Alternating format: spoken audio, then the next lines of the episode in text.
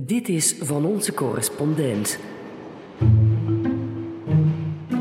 Attention à la marche en descendant du train. Welkom, mijn naam is Stefan de Vries. Ik zit in Parijs en vanuit hier neem ik jullie twee keer per maand mee langs Nederlandse correspondenten in alle uithoeken van de planeet. Na 92 jaar plannen en piekeren heeft Amsterdam vanaf deze maand eindelijk een nieuw metrolijntje. Voor ons is dat aanleiding eens te kijken hoe het openbaar vervoer in andere landen geregeld is. We gaan naar Rome, waar inwoners die al 2000 jaar dood zijn, iedere dag nog de aanleg van de metro vertragen. En China stampte de afgelopen 10 jaar 's werelds grootste metronetwerken uit en in de grond. En hun bouwwoede exporteren ze nu ook naar Afrika. Een van de grootste steden ter wereld is Jakarta, maar de stad heeft nauwelijks openbaar vervoer. Onze correspondent scheurt door de Indonesische megapol op een scooter met chauffeur. Maar we gaan nu eerst naar.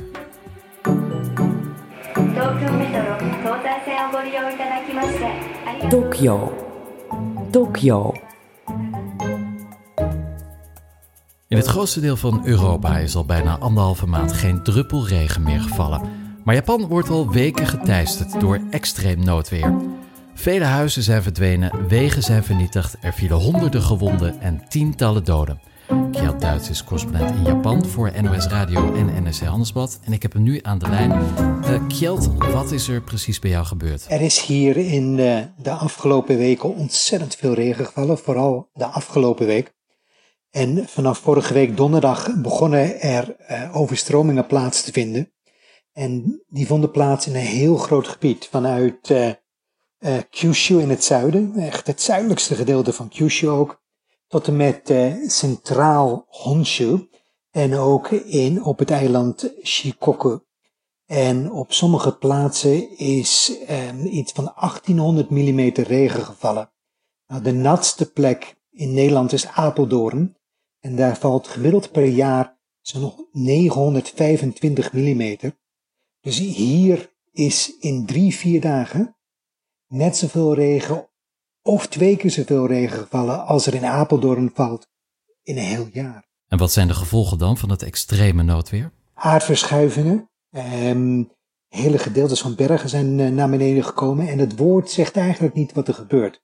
Ehm, soms heb je een aardverschuiving waar eh, tot aan een diepte van zo'n 10 of zelfs 20 meter diep de hele, ehm, eh, de hele kant van de berg zeg maar, naar beneden komt schuiven. En het is allemaal modder geworden. Er zitten enorme rotsblokken in van 2, 3, 4 meter eh, hoog. Al die bomen worden meegesleurd. En dat komt dan in één keer die berg af, op de huizen af. En er kan natuurlijk geen huis tegenop. Het is alsof je enorme bowlingballen hebt. En dat de huizen kleine pinnetjes zijn. Dus dat gaat allemaal kapot. Er is dus veel materiële schade, inmiddels ook al zo'n 200 doden. Toch zijn Japanners goed voorbereid op natuurrampen. Ze zijn gewend aan aardbevingen en orkanen. Maar in dit geval lijkt het alsof ze verrast waren. Hoe, hoe kan dat? Nou, ze zijn inderdaad ook goed voorbereid eh, op regenval. Dus ook op dit soort eh, rampen. Eén probleem hier was dat het gebied zo enorm groot is. We praten over een gebied dat 4,5 keer zo groot is als Nederland. En eh, men is eigenlijk voorbereid dat wat er nu heeft plaatsgevonden in één plek plaatsvindt. Of misschien twee plekken. Maar niet in honderden plekken tegelijkertijd over een gebied dat 4,5 keer zo groot is als Nederland. Mijn tweede probleem is dat er enorm veel regen is gevallen, dus veel meer dan men gewend is. En het derde probleem eh, ligt ook een beetje aan de waarschuwingen. Mensen hebben over de jaren zoveel waarschuwingen gehad waar uiteindelijk niets gebeurde, dat er een heleboel mensen ook de waarschuwingen genegeerd eh, blijken te hebben. Iets anders dat deze keer gebeurde. In het verleden waren waarschuwingen vaak, eh, die kwamen vaak een beetje te laat. Dus een heleboel plekken hebben deze keer de waarschuwingen nogal vroeg gedaan. Dus die kwamen op een moment dat er nog eh, nauwelijks regen viel. Ja, mensen kijken uit het raam en die denken nou, valt wel mee, daar hoef ik me geen zorgen over te maken. En dat is dus misgegaan. En hoe verlopen de reddingswerkzaamheden? Zitten er nog mensen vast in huizen of op daken van kantoren, zoals ik eh, op televisie zag? In de eerste dagen wel. Ehm, inmiddels ehm, is het het water op de meeste plekken waar de overstromingen plaatsvonden al ehm, bijna weg. er is een klein beetje van, van over, maar daar kan je gewoon doorheen lopen. Um, dus het probleem van mensen op daken en zo uh, hebben we inmiddels niet meer. Nu is het echt uh, het zoeken naar um, mensen die het niet overleefd hebben. Misschien dat er nog een paar plekken zijn geïsoleerd in de bergen, waarvan men nog niet bewust is dat daar mensen afgesloten zitten.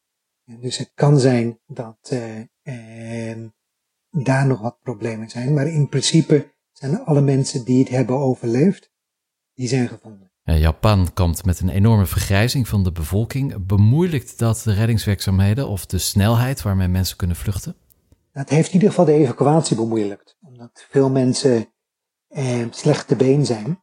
En toen ze dachten, nou, het loopt niet zo nauw. Ze toen maar besloten hebben om thuis te blijven. Dus vandaar dat er eh, eh, toch zoveel doden zijn gevallen. Overigens, als je kijkt naar de schade, dan valt het aantal doden eigenlijk best wel mee. Maar er zijn een heleboel doden gevallen die eigenlijk niet, eh, dat, die eigenlijk niet, eh, die mensen hadden eigenlijk niet dood moeten zijn nu. Maar um, het bemoeilijkt um, de reddingswerkzaamheden in zoverre dat uh, die mensen natuurlijk niet echt zelf verder kunnen lopen. Die, die moeten echt geholpen worden om naar een veilige plek te gaan. Wat zijn de weersvooruitzichten voor de komende week? Zit er uh, verbetering in? In Hiroshima, eh, waar de meeste doden zijn gevallen, wordt regen verwacht morgen, maar eh, de kans erop is maar 30% en het valt eh, waarschijnlijk voornamelijk in de avond. Ehm, niet de hele nacht door. Maar de bergen zijn natuurlijk nu heel zwak. Er zijn een heleboel zwakke plekken. Als je kijkt naar foto's en opnamen van de bergen, dan is het net alsof er enorme grote chocoladevingers eh, op die bergen liggen. En dat zijn al die eh, modderlawines. En dat komt omdat eh, er veel eh, eh, vulkaangrond is hier. En die is, dat is voornamelijk zand eigenlijk. Heel dun zand. Dus als er te veel water is, dan spoelt het heel gemakkelijk weg. En op veel plekken zijn die modderlawines niet tot aan zeg maar, de voet van de berg doorgegaan, maar halverwege. Dus als er straks weer meer regen bij komt, dan kan het gebeuren dat die modderlawines uiteindelijk toch doorzetten en dat er dan nog meer overstromingen en nog meer schade komt. Het gevaar is dus nog niet geweken in Japan. Dankjewel NRC-correspondent Kjeld Duits. Ik kom straks nog bij je terug om te praten over de Metro Morris in Tokio. Overstappen voor de richting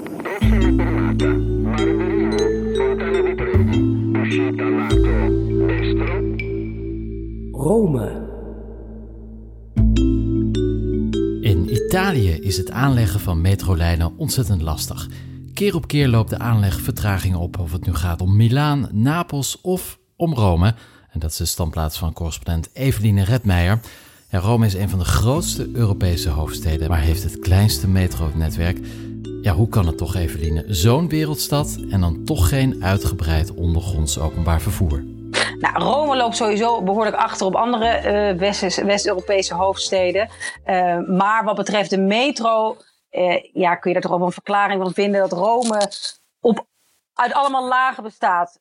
eeuwenoude lagen. En Rome heeft nog allerlei steden daaronder. Dus overal waar je gaat graven hier, daar kom je op archeologische sites. En die ja, die hebben grote waarden, grote historische waarden. Dus die moeten eerst allemaal uh, steen voor steen, uh, mozaïek per voor mozaïek, moeten die in veiligheid worden gebracht, schoon worden gemaakt. Ja, en dan ligt alles weer maanden, soms wel jaren stil. Dus dat is eigenlijk ook een beetje het probleem met de metro hier. je kunt je voorstellen dat als je hier een, heel metro, een hele nieuwe metrolijn um, gaat aanleggen, zoals ze nu uh, aan het doen zijn, dat, dat je van alles tegenkomt. En dat is voor archeologen een, een feest. Uh, maar voor de mensen in Rome is het een ramp. Want dat schikt niet op hier. Het is hier een ontzettend. Er is denk ik geen stad in Europa die zo verstopt is als Rome. Er wordt veel over gevloekt. Er veel, wordt veel over geklaagd. De oplossing zou zijn een beter openbaar vervoer. Dus deze metrolijn die dwars door de stad moet gaan lopen. Maar ja, die verdraaide archeologische sites. Ja, die verdraaide oude Romeinen toch. Ehm, jij hebt de bouwplaats bezocht van de nieuwe metrolijn. Dat is de lijn C. En die komt vlak langs het Colosseum te rijden. Wat heb je daar gezien? Ja, klopt. Ik ben in het, uh, um, ja, bij het, wat het nieuwe San Giovanni station uh, moet worden. Daar ben ik geweest. En uh, ja, dat, dat was toch wel heel bijzonder. Je ziet gewoon een, een, een gigantische villa die uit negen kamers bestond. Waar alle mozaïeken nog helemaal intact zijn. Uh, ja, en je begrijpt zodra je dat ziet, dat dat niet in één keer met een graafmachine uh, omver kan worden ge, gehaald. Dus dan zie je um, archeologen daar met, met rode konen rondlopen en met kwastjes alles schoonhalen. En nou, het zijn dus niet alleen de, de, fysieke resten, maar ook dat ze meer begrijpen hoe de Romeinen in die tijd leefden. En uh, hoe, de, hoe de gezinssamenstellingen waren. Dit ging eigenlijk over een kazerne. Dus nou, hier werden bepaalde uh, leefritmes weer bevestigd. Uh, het, was echt geweldig om te zien. maar ja, zij zeiden ook van ja, dit moeten we allemaal stukje voor stukje in veiligheid brengen. Alles bij elkaar houden. En ze willen dit weer ergens op gaan bouwen. inmiddels is er zoveel verzameld. Er zijn echt, het schijnen echt gigantische pakhuizen vol te zijn. Met allerlei Romein, resten uit de Romeinse tijd die weer een plek moeten gaan krijgen het idee is om uiteindelijk die in de metrostations uh, dan uh, weer tentoon te stellen. Dat is al gebeurd bij een ander station uh, wat nu open is gegaan. Ja, dat is eigenlijk een soort museum waar je ook de metro kan nemen. Dus ja, als het uiteindelijk er helemaal komt, dan denk ik dat Rome de, de, de gaafste metrolijn ter wereld gaat krijgen. Maar ze mogen er wel een beetje mee opschieten, ja. In die bouwput sprak je met een paar medewerkers. Laten we even naar ze luisteren. Questa casa è in eccezionali condizioni di conservazione, con questi 15 ambienti, di cui due ancora da scavare, che conservano ancora tutti i rivestimenti originali. Abbiamo trovato molti oggetti femminili, delle fibule, degli anelli, probabilmente aveva so, delle concubine oppure una moglie molto elegante. Wie hoorden we en uh, wat zeiden ze precies, Evelien? Nou, je hoorde hier net uh, Francesco uh, Properetti, en dat is de hoofdarcheologie van de gemeente Rome. En die vertelde uh, nou ja, dat ze er allemaal opvallend veel vrouwelijke juwelen hadden gevonden en, en, en haarversiersels. Dus uh, nou ja, die, die, vertelde met, uh, nou ja, met veel enthousiasme dat hij ja, of een hele elegante vrouw had gehad of meerdere vrouwen. en, en, en lachte daar smakelijk om. En, nou ja, en hij legde inderdaad ook uit dat dit dus het idee moet zijn dat dit allemaal eerst moet worden verplaatst moet worden geordend en dan helemaal opnieuw moet worden gebouwd in het nieuwe, uh, in het te bouwen metrostation. Nou, ik denk de ruimte waardoor ik heb uh, gelopen was zo'n uh, 50 vierkante meter. Dus het gaat echt om, ja, het gaat om hele, hele woningen, delen van woningen die uh, zijn ontdekt. Dus nou ja, daar gaat nogal wat werk in zitten. Ja, Rome is natuurlijk prachtig, de eeuwige stad. Uh, begrijpen de moderne Romeinen dat bij die rijke geschiedenis uh, af en toe ook wat uh, ongemak hoort, zoals nu bij de metroaanleg? De inwoners van Rome hebben ze heel veel om zich aan te ergeren. De viezigheid, de gaten in de straat. Maar hebben ook het besef dat ze in de mooiste stad ter wereld wonen. Roma caput mundi. En dat komt toch ook wel doordat dit soort historie onder de stad en in de stad verborgen ligt. Dus er zal geen Romein zijn die zegt van uh, nou hup voortmaken en dit moet niet met de grootste zorg behandeld worden. Dus ik denk dat uh, hier absoluut begrip voor is, ja. Wanneer moet die nieuwe lijn nu gaan rijden? Nou, de planning is nu dat die 2022 helemaal af moet zijn. Uh, een deel is al, loopt al van de metro. er is al een station redelijk dicht bij het centrum geïnaugureerd. Maar ja, dat zal ook nogal weer even duren als er weer verder wordt gegraven ja, en dat is ook wel, denk ik, af en toe waar de gemeente Rome zich achter verschuilt. Dat, uh, dat het allemaal daardoor komt, die vertragingen. Ik denk dat daar ook wel iets meer achter speelt. En uh, er zijn hier gigantische gaten, gaten in de begroting. Uh, maar ja, het is af en toe ook wel een lekker excuus, heb ik het idee dat hier uh, zoveel onder de grond uh, verborgen ligt. Bij gebrek aan metro rijd je zelf op een goede Hollandse fiets door de stad? Nee, ja, Rome is gebouwd naast op meerdere oude steden, ook op zeven heuvels. Dus je kunt maar in een klein gedeelte fietsen. In het centrum gaat het redelijk goed, maar ik, ik ga met, met de brommer meestal. En dan kun je zigzaggend door het verkeer, ben je in ieder geval een stuk sneller dan met de auto. maar ja, het, het kleine gedeelte van Rome dat wel aangesloten is bij de bij, metro. Dat is dan wel meteen een verademing. Ja, ik vind het bijna een wonder om zo onder een stad door te roetsen. Maar ik moet ook zeggen, als ik dan in steden als Parijs, als jouw Parijs kom, dat ik wel denk, jee, wat een, uh, wat een verademing moet dat zijn om gewoon zo snel te kunnen verplaatsen op zo'n efficiënte manier en niet afhankelijk zijn van het verkeer. Dus wat dat betreft loopt Rome behoorlijk achter, ja. misschien lopen ze achter, maar ja, het blijft natuurlijk wel een prachtige stad. In ieder geval moet jij nog even geduld hebben tot 2023. Dankjewel, Evelina Redmeijer in Rome.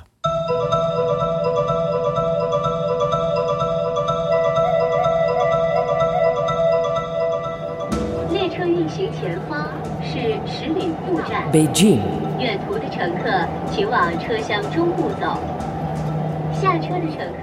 China bouwt in een enorm tempo aan metronetwerken en hoge snelheidslijnen.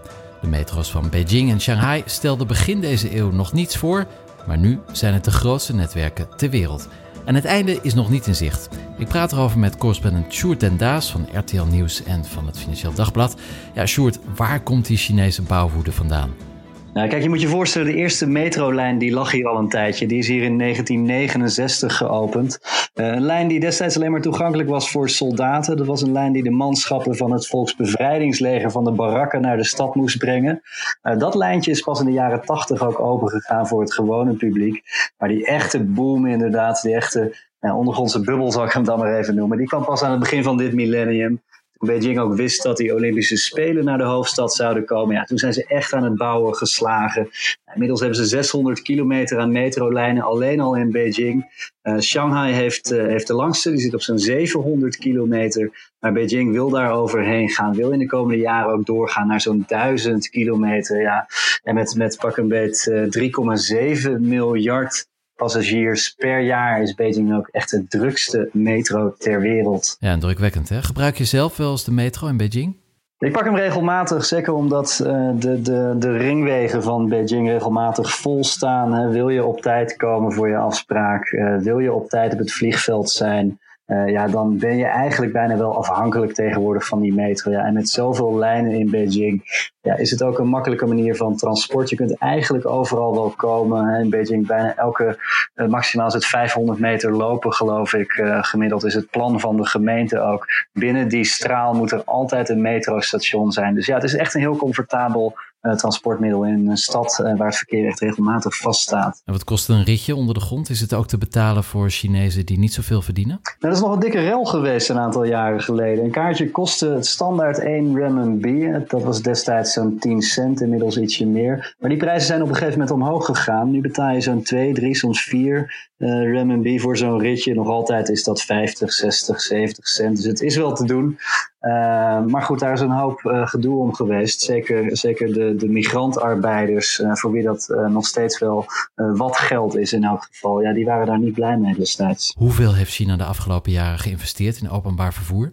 De totale investering, dus dan heb je het over alle metronetwerken in ruim 30 Chinese steden, is dat uh, is zo'n 500 miljard euro. Dus wow. daar zijn echt megalomane bedragen in gestoken. En dat is vooral ook echt de laatste tien jaar zo'n beetje, echt sinds 2008. Beijing was iets eerder, maar sinds 2008 zie je ook echt dat uh, de tweede rangs, derde rangs steden, zoals ze dan genoemd worden, wat verder naar het binnenland, wat verder verwijderd van de Chinese kust, ja, dat men daar ook nu de grond in gaat geen hamers en sikkels, maar de boor gaat erin. Uh, ja, daar wordt echt op grote schaal nu metrostations gebouwd.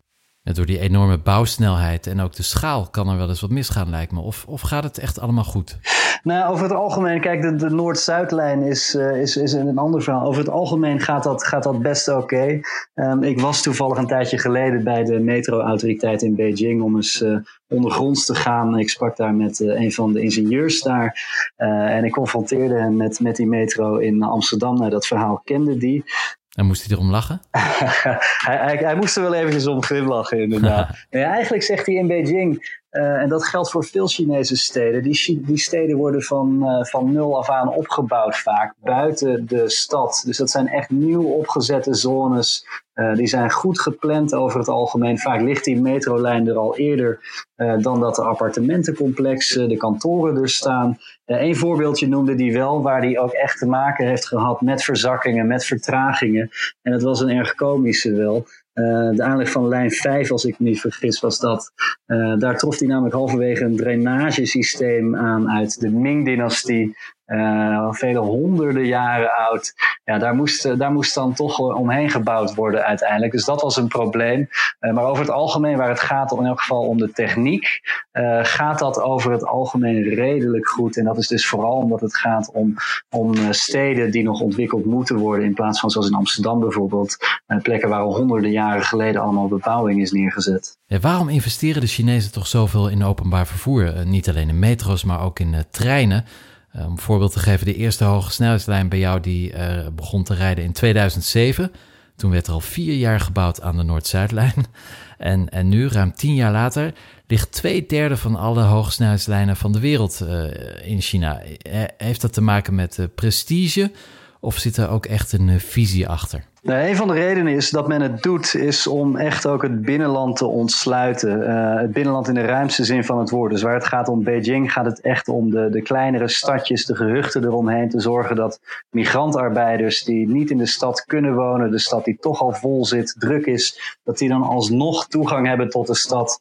Uh, binnen een uurtje metro rijden bijvoorbeeld uh, alsnog toegang hebben tot de bedrijven. Voor de bedrijven geldt dat, dat zij natuurlijk toegang hebben dan nog steeds tot goedkope arbeid, maar voornamelijk ook richting verder het binnenland, uh, provincies als Sichuan, Chongqing uh, en verder naar het westen, Xinjiang, tegen de Kazachstaanse grens aan, zeg maar. Ja, dat zijn plekken die hebben niet kunnen meeprofiteren van die enorme boom in China van de laatste 30, 40 jaar. Ja, men wil dat die daarvan gaan profiteren en zegt de Chinese overheid, ja, daarvoor hebben we echt wel infrastructuur nodig.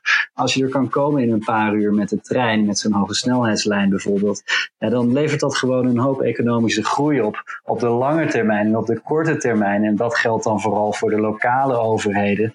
Ja, als jij partijambtenaar bent in een, in een gemiddeld stadje, kijk, zij plannen niet die hoge snelheidslijnen, maar bijvoorbeeld wel uh, de metronetwerken binnen hun stad. Als jij kan zorgen uh, dat er wat extra uh, economische groei komt, ja, dan is zo'n metrolijn natuurlijk bij uitstek geschikt uh, om je eigen promotie veilig te stellen. Ik las een onderzoekje uh, recentelijk van een Chinese ingenieur die zei ja, voor elke 100 miljoen RMB, dat is, dat is 13, 14 miljoen euro zo'n beetje, die je in die metro-infrastructuur steekt, uh, gaat het BBP met 2,5 keer omhoog. Ja, je creëert er nog eens 8000 jobs mee. Nou ja, goed, dan is je kostje gekocht als partijambtenaar. Dus, dus dat is ook zeker een van de redenen waarom veel lokale overheden heel graag zo'n metro willen. Los van de voordelen die het met zich meebrengt, waar het gaat om, om connectiviteit en los waar het gaat uh, van, het, van het leger krijgen van de straten en het werken aan een schone milieu. Ja, van een klein lijntje voor militairen tot wereldleider. De bouwwoede van de Chinezen kent geen grenzen. Dank je, Sjoerd en Daas, correspondent in Beijing. Dit is van onze correspondent. De volgende halte is. Nairobi. we hadden het net over China, waar ze als een gek metro en hoge snelheidslijnen aanleggen. Maar de Chinezen zijn nu ook heel erg actief in Afrika. We gaan naar Saskia Houttuin. Zij is correspondent voor RTL Nieuws en VPRO Radio in Kenia.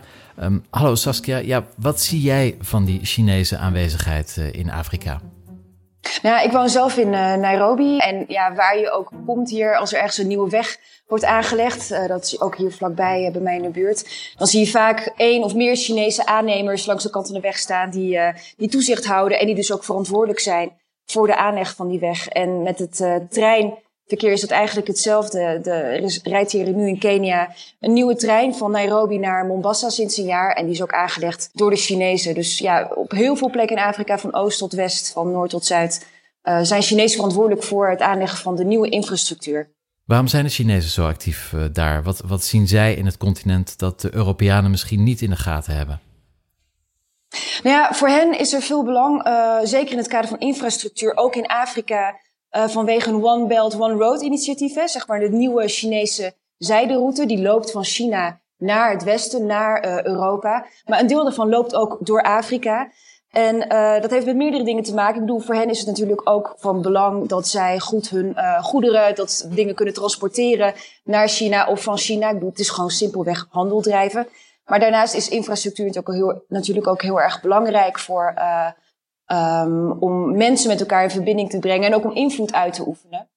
Dus uh, wat de Chinezen doen is heel erg grote deals maken, miljoenen, miljarden deals zelfs met landen in Afrika. Uh, zodat zij uiteindelijk het, de infrastructuur, de vervoersstructuren in handen hebben. En dat, dat, ja, dat brengt ook een bepaalde invloed en macht met zich mee. En wat vinden Afrikanen er zelf van dat de Chinezen zo prominent aanwezig zijn en, en zoveel investeren? Nou, de mensen die ik spreek reageren best wel uh, wisselend, gemengd. Ik bedoel, aan de ene kant, ik bedoel, het is natuurlijk supergoed nieuws als er weer een trein rijdt op een plek waar geen trein meer is. Uh, geweest in heel veel tijd. Uh, tegelijkertijd, uh, ik sprak toevallig ook heel toevallig gisteren een Uber-chauffeur toen ik ergens naartoe ging. En die zei van, ja, weet je, uiteindelijk, de, de, het is heel goed dat ze dat doen, maar de manier waarop zoiets gebeurt. Ik bedoel, uiteindelijk steken landen zich met, met miljoenen, miljarden in de schulden. Dat hoor je nu ook weer Ethiopië die uh, echt ontzettend veel moeten terugbetalen aan de Chinezen. En je creëert toch ook een soort van afhankelijkheid. En hè, ik bedoel, die koloniale tijd, die hebben ze uh, afgesloten, gelukkig. Maar ja, met, door dit soort grote deals te sluiten en door toch je weer afhankelijk op te stellen van, van zo'n grote macht, zo'n grote macht als China, um, brengt dat ook toch wel weer bepaalde problemen met zich mee. En wat natuurlijk ook zo is, de, de Chinezen nemen het over het algemeen niet super nauw met, met mensenrechten, met de natuur. Uh, er zijn hele dorpen die moeten wijken als de Chinezen daar zelf land willen kopen of, of, een spoorlijn doorheen willen aanleggen bijvoorbeeld. En nou, dat, dat brengt natuurlijk ook wel wat woede met zich mee. Dat klinkt negatief, maar ik kan me voorstellen dat er toch ook wel positieve kanten aan zitten? Ja, ik wil er tegelijkertijd ook niet al te cynisch over zijn. Want het is natuurlijk ook niet zo super zwart-wit. Als je bijvoorbeeld ziet dat uh, de Chinezen ook uh, bijvoorbeeld de ivoorhandel in de ban hebben gedaan. Uh, dan zie je ook wel dat er toch wel bepaalde stappen worden genomen die, die ook wel, ja, wel ten goede komen van, van de mensen hier in landen in Afrika. Maar goed, ja, het is heel wisselend. Aan de ene kant zijn veel mensen in Afrika er ontzettend blij mee. Aan de andere kant is het ook weer niet, hoera, de Chinezen zijn er. Nee? Hoe is het om door Afrika met de trein te reizen? Heb jij er iets aan tijdens je reportages of uh, ben je aangewezen op ander vervoer? Ja, absoluut. Ja, ik ga nu ook uh, zo meteen naar het vliegveld naar Oeganda. En uh, nou goed, er loopt ook niet echt nu een spoorlijn meer er naartoe. Maar ook al was hij er wel geweest, dan had ik waarschijnlijk alsnog het vliegtuig genomen. Omdat het treinverkeer dat er is, is vaak... ja, weet je, er zijn een paar hele goede moderne treinen. vooral in Noord-Afrika, Marokko, Algerije... En nu ook wel die trein die vanuit hier, vanuit Nairobi naar Mombasa gaat. Maar over het algemeen zijn het echt hele oude treinen die nooit op tijd vertrekken. Waar je hutje, mutje op elkaar gestapeld zit. En het duurde gewoon veel te lang over. En bovendien is het dan ook niet echt heel veilig. Het neemt ook wel een bepaalde vorm van criminaliteit met zich mee. Dus ik heb, om eerlijk te zijn, ook nog nooit de trein in Sub-Sahara-Afrika genomen. Al denk ik wel dat dat er nog een keer van gaat uh, komen. De, de enige trein die ik ooit in Afrika heb genomen was uh, in, in Algerije. De trein van Algiers naar Oran. Een Nederlander die zelf door Afrika is gereisd met de trein is regisseur Jeroen van Velzen. Hij heeft net de documentaire Tanzania Transit gemaakt. Jij hebt die film gezien. Ja. Vertel daar eens over. Ja, dat is echt een, een prachtige documentaire, vind ik zelf. wat hij heeft gedaan is hij volgt drie of eigenlijk vier personages op de trein van Dar es Salaam naar Kigoma, van, het, van de kust, van het oosten van het land, helemaal naar het westen. En dat is precies zo'n trein als die ik net beschreef. Echt eh, een trein die, volgens mij zei hij ook ergens dat die trein een kilometer lang is.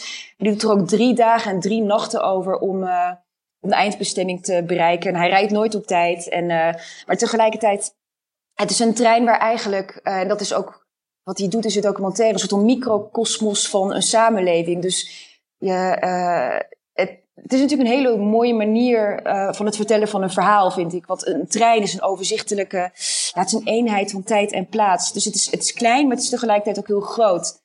Um, het leven, verhalen die samen iets zeggen over een samenleving, over Tanzania, die komen er allemaal in samen. En um, wat hij doet is, hij volgt dus uh, drie of eigenlijk vier personen op die trein. Uh, mijn favoriet uh, veruit is een, een Maasai-krijger en zijn kleinzoon die um, even op bezoek is geweest in uh, Dar es Salaam, bij zijn kleinzoon, en nu terugreist naar het platteland. En uh, ik heb daarvan een stukje dat ik graag wil laten horen. Laten we even luisteren.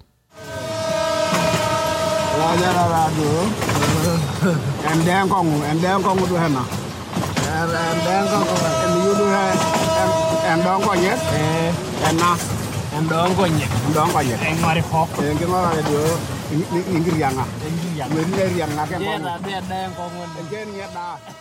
ja, dit is een grootvader die reist met zijn kleinzoon in een hele oude, gammele trein.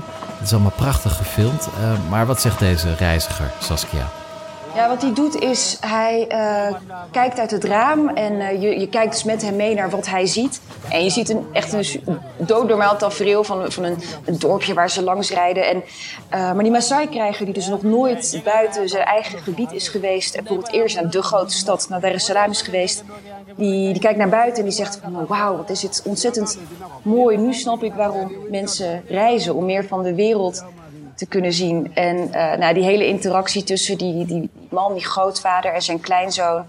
Um, het verschil tussen de oude en de nieuwe moderne tijd, uh, stad en platteland, dat komt er allemaal in, in samen. En ja, ik vond dat echt, uh, dat heeft de filmmaker Jeroen van Vels echt super mooi vastgelegd. En um, er zijn ook nog toch twee andere personages. Een Keniaanse vrouw die echt ontzettend veel ellende heeft meegemaakt. Die is uitgehuwelijkd, die in de bak heeft gezeten.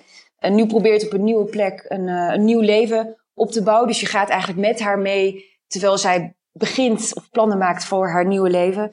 En dan heb je ook nog, en dat, dat is eigenlijk het, het, ja, het personage, zeg maar, de persoon waarvan je echt denkt van, nou, daar, kan je, daar heb je echt totaal niks mee. Het is namelijk een dominee uh, die alle treinwagons uh, afgaat en, en passagiers die ziek zijn of zorgen hebben de hand oplegt. Maar ondertussen probeert hij ook ja, gewoon boekjes bij ze te slijten. En hij loopt ook rond met een, een enorme gouden nep, een nep gouden ketting om zijn hals. heeft een nep gouden Rolex om.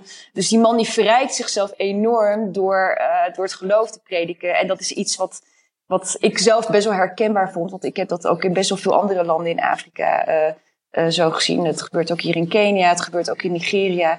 Waar de corruptie eigenlijk zo ver reikt dat het eigenlijk ook verankerd is nu in, in religie. Mooi, mooi, ja. Dus heel veel verschillende verhalen in één trein eh, te zien in de documentaire Tanzania Transit van Jeroen van Velzen. De film draait nog in een paar bioscopen in Nederland, maar is ook online te huur op onder andere Vimeo, iTunes en pickle.nl, dus P-I-C-L.nl. En de link naar de film staat ook op onze Facebookpagina van onze correspondent. Dank Saskia Houttuin, correspondent in Nairobi. まもなく1番線に渋谷新宿方面行きが参ります東京危ないですから黄色い線の内側までお下がりください Japanners zijn de beleefdste reizigers ter wereld. Ze schreeuwen niet, duwen niet, ze laten geen papiertje op de grond vallen. Maar ja, wat moet je dan doen en laten als Nederlander? Toch niet bepaald het fijngevoeligste volk als je in Japan komt. Um, dat gaan we even vragen aan correspondent Kjeld Duits, die dat allemaal haarfijn weet. Ja, Kjeld, jij woont al meer dan 30 jaar in Japan, maar hoe ging dat voor jou in het begin? De transformatie van Hollandse botheid naar Japanse beleefdheid. Nou, ik bofte, want ik was een van die twee fijngevoelige, beleefde Nederlanders. ja, dus toen ik, toen ik hier kwam had ik wel een beetje het gevoel van, oh, ja, dit, dit begrijp ik wel een beetje. Maar de eerste jaren, moet ik zeggen, waren wel moeilijk. Maar niet zozeer omdat uh, mensen hier zo beleefd waren, want dat vond ik juist heel prettig. Maar omdat ik de taal niet sprak. En, en in die tijd waren er ook heel weinig mensen die Engels spraken. Maar de beleefdheid vond ik heel gemakkelijk. Mensen luisteren heel goed. Het is heel belangrijk in Japan dat je mensen, andere mensen niet tot overlast, overlast bent. Dus houden enorm rekening met je. Hier wordt het als charmant gezien als je verlegen bent.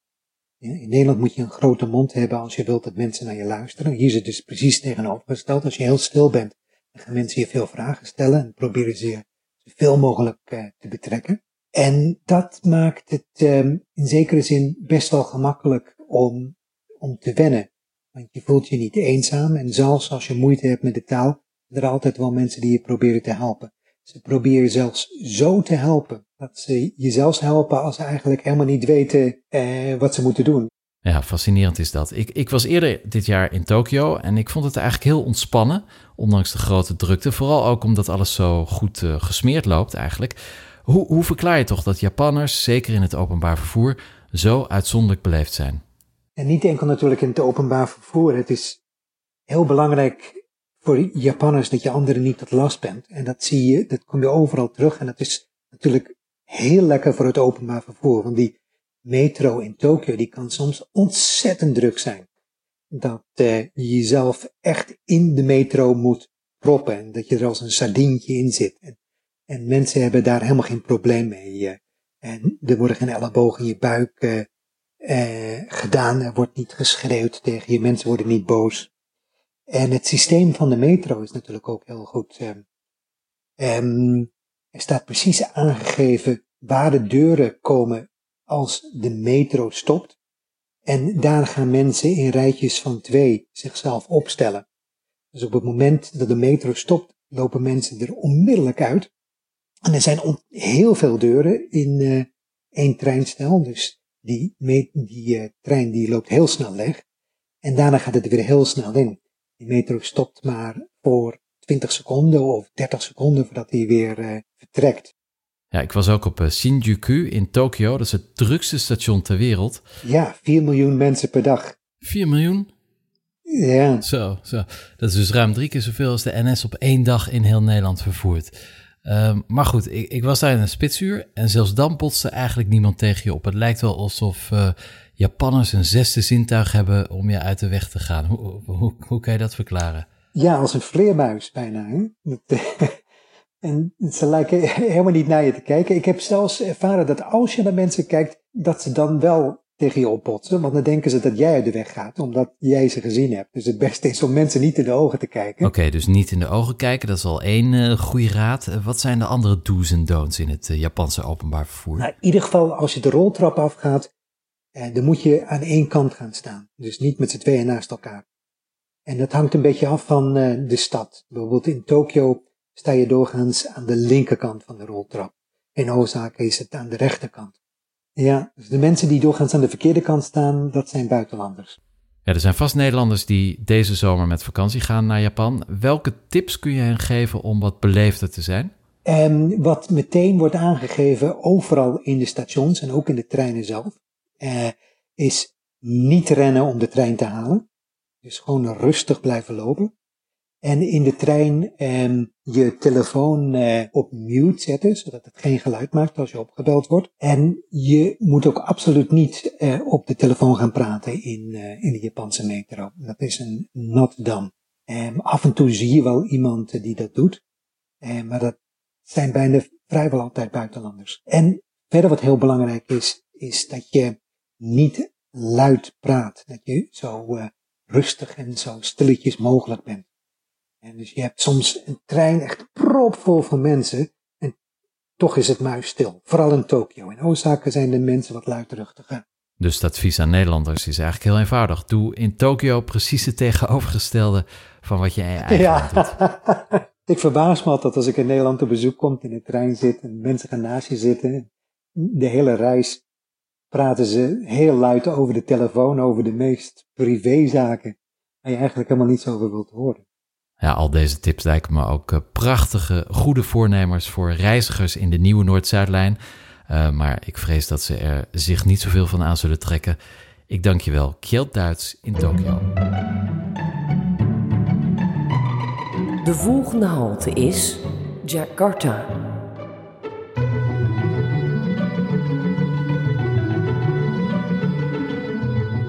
Bellen we nu met Annemarie Kas. Zij is correspondent in Zuidoost-Azië voor NRC Handelsblad.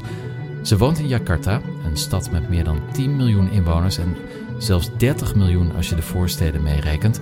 Maar het is ook een stad zonder openbaar vervoer en daarom gebruiken veel mensen een scootertje met chauffeur.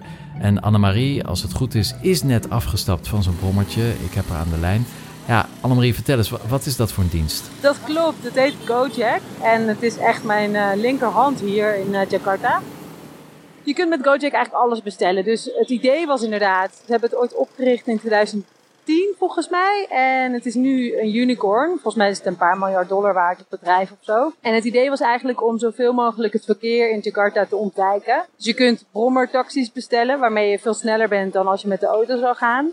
Maar ze bieden ook uh, bezorgservice aan, dus een soort Uber Eats eigenlijk. Dus je kan eten bestellen en je kunt massages bestellen. Je kan iemand, iemand laten komen die je auto wast. Je kan uh, boodschappen dus laten bezorgen. Je kan er pakketjes mee verzinnen. Je kan er eigenlijk alles mee doen om zelf niet het verkeer in de, in de stad in te roepen. Ja, dat verkeer in Jakarta is dus een ramp, als ik het goed begrijp. Ja, het is hier. Het, eh, als je heel, heel vroeg in de ochtend, zeg om vijf uur of half zes of zo, op pad gaat, dan is het nog wel te doen. En heel laat in de avond hetzelfde. Maar verder staat het hier eigenlijk standaard vast overdag. Het, een spits kan je het een beetje noemen van, nou ja, ik denk van half acht tot half elf of zo. En dan begint het om half drie, begint het van vooraf aan. En in de tussentijd is het niet leeg op straat of zo, maar is het gewoon uh, flink druk nog steeds. En hoe gaan de inwoners van Jakarta zelf dan om met die verkeerschaos? Het is een kwestie van plannen. Veel mensen gaan dus heel vroeg op pad. Die uh, vertrekken echt om zes uur en dan ontbijten ze op kantoor. Of, of ze, ze, doen werk in de auto alvast. Dus je, je hebt hele andere dagen eigenlijk om het verkeer te ontlopen. En, en wat ook veel gebeurt is dat je alles zo dicht mogelijk bij elkaar plant. Dus als je werkt en je spreekt af om wat te gaan drinken daarna, dan liefst zo dicht mogelijk bij jouw kantoor. Of je gaat sporten, dan ga je niet eerst naar huis en dan naar de sportschool. Maar je gaat vanuit vanuit werk meteen door naar je sportschool, die het liefst dan ook in de buurt zit. Dus je probeert tijd en plaats zoveel mogelijk eigenlijk op het verkeer af te stemmen. Dat is hoe de meeste mensen doen. Doe je dat zelf ook op die manier? Ik heb zelf geluk, want ik, heb, ik werk vanuit huis. Dus ik hoef, ik hoef niet naar een kantoor. Maar ik heb een brommertje en ik probeer ook zoveel mogelijk buiten de spits te reizen. Want ja, het is gewoon een groot verschil. Weet je, of je, of je uren vaststaat in een auto of dat ik in een half uurtje naar een afspraak in het noorden van de stad kan. Dat maakt echt veel uit. Zit er verbetering in? Heeft de gemeente Jakarta plannen om te investeren in het openbaar vervoer? Ja, ja al jaren. Um, er is net een nieuwe treinlijn geopend van die eigenlijk door de stad loopt naar het vliegveld. Maar ja, dat is één treinlijn die verder niet echt op, op uh, metrostations of zo is aangesloten. Want de metro, die heb je hier niet. Dus je moet ook geluk hebben, wil je, wil je met die, makkelijk met die treinlijn kunnen. Want dat is dus maar voor, alleen voor de mensen die in de buurt wonen, is dat een handige, handige lijn.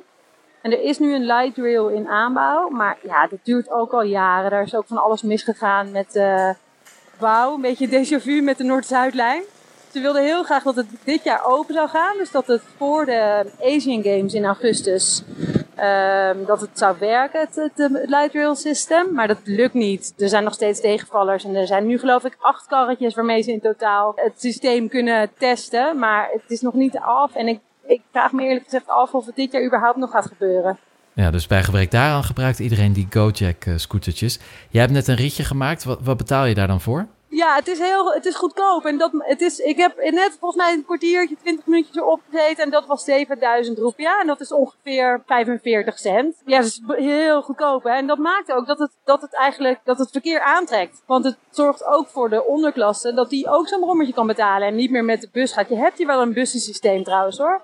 Alleen ik heb het nog nooit kunnen doorgronden, want je hebt geen, zoals in, veel wereldsteden heb je ehm, gewoon een, een metroplattegrond of een busnetwerk. Maar ik heb dat nog nooit kunnen vinden. Dus voor veel buitenlanders is het ondergrondelijk hoe je hier met de bus moet. Maar ook voor mensen die uh, hier wonen, dus voor, uh, voor gewone Indonesiërs, is het van een groter statussymbool om lekker zelf achterop een brommertje te gaan. En het is betaalbaar, dus, dus daarmee wordt het groeit het fenomeen en we komen er dus weer meer brommertjes en ook meer auto's. Je kunt er ook een auto of een... Um, dus op die manier wordt het alleen maar meer, ook omdat Indonesië meer te besteden heeft, neemt het verkeer ook alleen maar toe. Als het zo goedkoop is, verdienen de bestuurders dan wel wat? Nee, ze moeten, ze moeten uren werken. En het is net als met Uber, uh, zijn dus ook niet in dienst van het bedrijf. Hè? Dus het zijn eigenlijk zelfstandig ondernemers die zelf bepalen hoeveel, uh, hoeveel uren ze maken en hoeveel ritjes ze afleggen ik, zou, ik weet niet precies hoeveel, maar ik denk, nou ja, een paar euro per dag zal het, zal het uh, mee ophouden.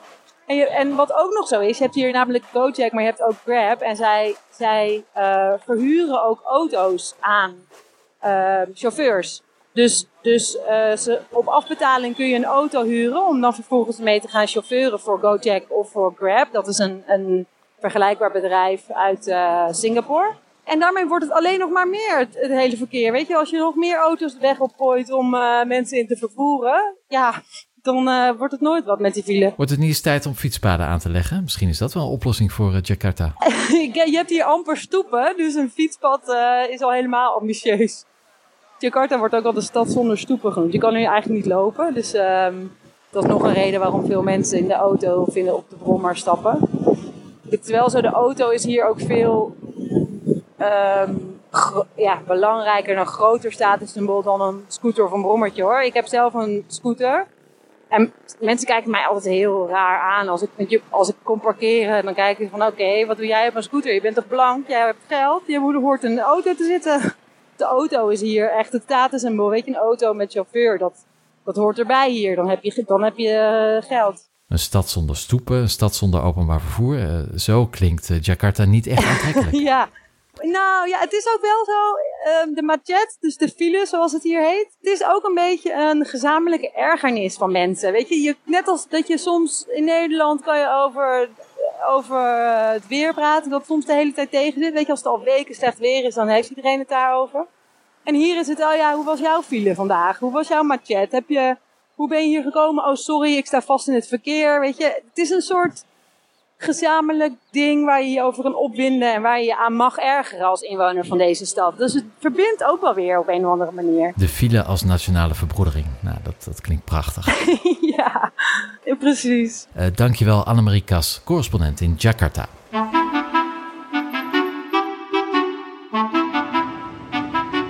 Overstappen voor de richting Europaplein. Amsterdam.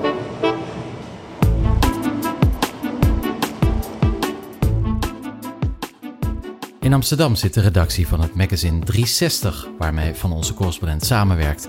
Iedere twee weken brengen zij een selectie van de internationale pers. En het nieuwe nummer ligt komende week in de winkels. Wij praten met Pieter van den Blink van 360. Uh, Pieter, wat zijn deze week volgens jullie de opvallendste artikelen in de internationale kranten en tijdschriften? Nou, ik zou je zeggen, Stefan, wij brengen in deze zomermaand een stukje feel-good nieuws naar de persen.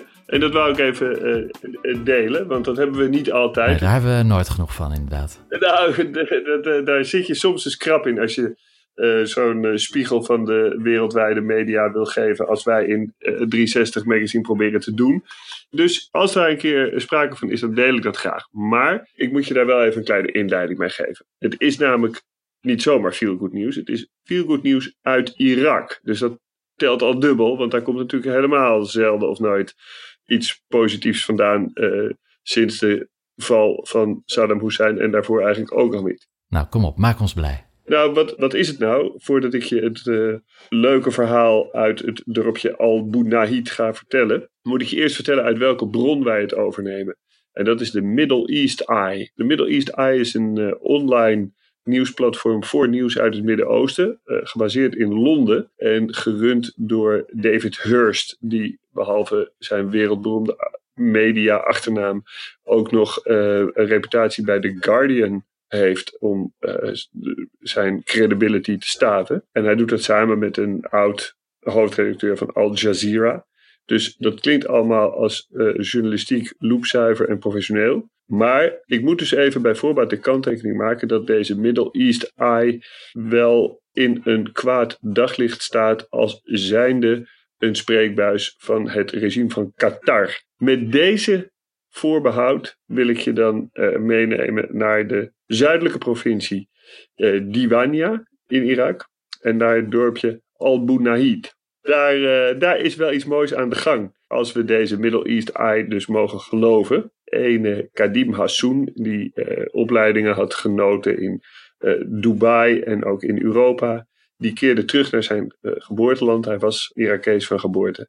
En hij nam een paar dingen mee uit uh, die landen waar hij gestudeerd had. Onder andere de gewoonte om s ochtends te gaan joggen. En in Al-Bunaid heeft meer dan de helft van de mannelijke bevolking uh, last van enorme obesitas. Dus Kadim werd eigenlijk eerst voor gek verklaard. Maar hij heeft met dat joggen een kentering teweeggebracht. En nu lopen er iedere ochtend tientallen dorpsgenoten met hem mee. En zoals je weet van lekker sporten raak je met elkaar aan de praat. Het is echt een veel goed verhaal, ik had het je aangekondigd. Dus van het joggen kwam het tot de oprichting van een huis voor de cultuur. En daar wordt het interessant, want dat heeft nadrukkelijk ook uh, vrouwen uitgenodigd om mee te komen praten over allerlei onderwerpen. En als er dan mannen zijn die tegen deze oprichter, die Kadim Hassoun, zeggen van ja, maar uh, samen met vrouwen, uh, dat gaat toch zomaar niet. Dan zegt hij: Nee, nee, jongens, misschien hebben jullie nog even tijd nodig. Maar er is geen verschil tussen mannen en vrouwen. Voor ons klinkt het vanzelfsprekend, maar dat iemand het daar in zo'n zuidelijk dorpje in Irak probeert uit te leggen. Dat is een dappere stap. En toen heeft hij, heeft hij ook maar meteen doorgepakt en gezegd: jongens, voor zover dit land rijkdom heeft, is dat allemaal op olie gebaseerd. Maar die olie heeft ook een, kritisch, een, een, negatieve kant. We moeten aan het milieu gaan denken. Nou, dat eh, is helemaal nieuw speak in, in Irak. Maar hij probeert dus ook een milieubewustzijn daar teweeg te brengen. En hoe doet hij dat? Met fietsen. Hij introduceert zelfs de fiets in Irak.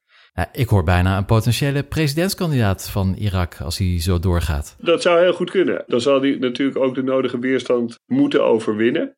Maar het is een teken wellicht dat nu IS is verslagen in Irak en de wapens minder klinken dan voorheen. Je zou kunnen constateren dat het land misschien tijd krijgt om aandacht te besteden aan sociale en economische kwalen, in plaats van alleen nog maar in de survival modus te staan. En dan is dit een, uh, een heel interessant initiatief. Nou, dat is zeker mooi en interessant nieuws uit Zuid-Irak. Welk opvallend internationaal nieuws heeft 360 deze week nog meer geselecteerd? Nou, we hadden een, uh, echt een, een, een zomernummer in gedachten. Dus ik uh, was ook blij om te lezen, hoewel ook enigszins verrast, dat Barcelona, de prachtige hoofdstad van Catalonië, wetgeving heeft aangenomen die de taxichauffeurs daar verplicht om zich um, in pak te kleden voortaan. En niet meer in een zelfs ongewassen t-shirt achter het stuur plaats te nemen. Dat mag niet meer. Ik ben als Barcelona-liefhebber zelf erg benieuwd of dit gaat uitwerken en hoe. Want um, een beetje opfrissing kunnen de Barcelonese taxichauffeurs misschien een enkele keer wel gebruiken, de goede niet te nagesproken. Maar het lijkt me toch ook een opgave om in de temperatuur daar de hele dag in een driedelig pak, of in ieder geval in een overhemd met lange mouwen, zoals die nieuwe wet voorschrijft, in je auto te gaan zitten. En als ze dat niet doen, worden ze dan aangehouden door de Fashion Police?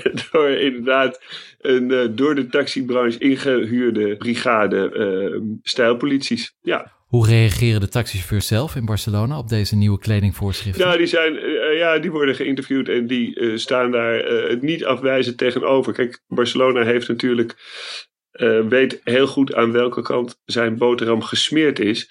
En dat is aan de kant van het toerisme. En dat heeft een verschrikkelijke knauw gekregen uh, door het geweld op de Ramblas, de terroristische aanslag daar. Voordat die plaatsvond, was Barcelona al een stuk verder dan menige andere stad. Maar de bewoners van Barcelona zelf hebben zich heel fel tegen de toeristische uh, massa gekeerd. En met, met graffitis op de muren van uh, toeristen rot op en dat soort dingen. Dus kennelijk heeft iemand daar bedacht dat het tijd is om misschien met een maatregel uit de marge. Want dat is het natuurlijk toch een beetje. Maar om te trachten het tijd te keren en die toeristen weer uh, een, een, een, een positief verhaal te geven. Ja, daar zit wel wat in, ja. Dankjewel, Pieter van der Blink met goed nieuws uit Zuid-Irak en goed geklede taxichauffeurs in Barcelona. En dat en meer deze week in het nieuwe nummer van 360 met de beste uit de internationale pers.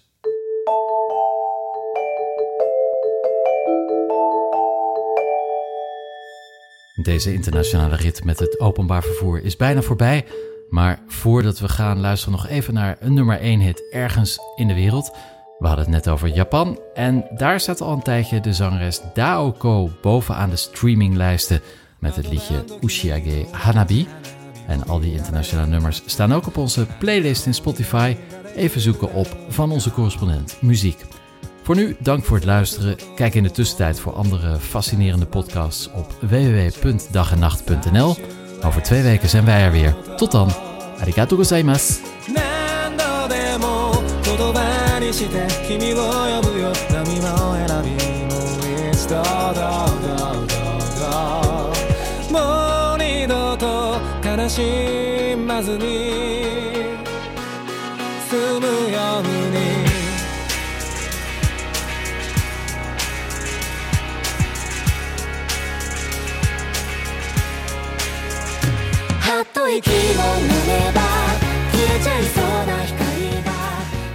Dit was van onze correspondent. U bent aangekomen op uw bestemming. Vergeet u straks niet uit te checken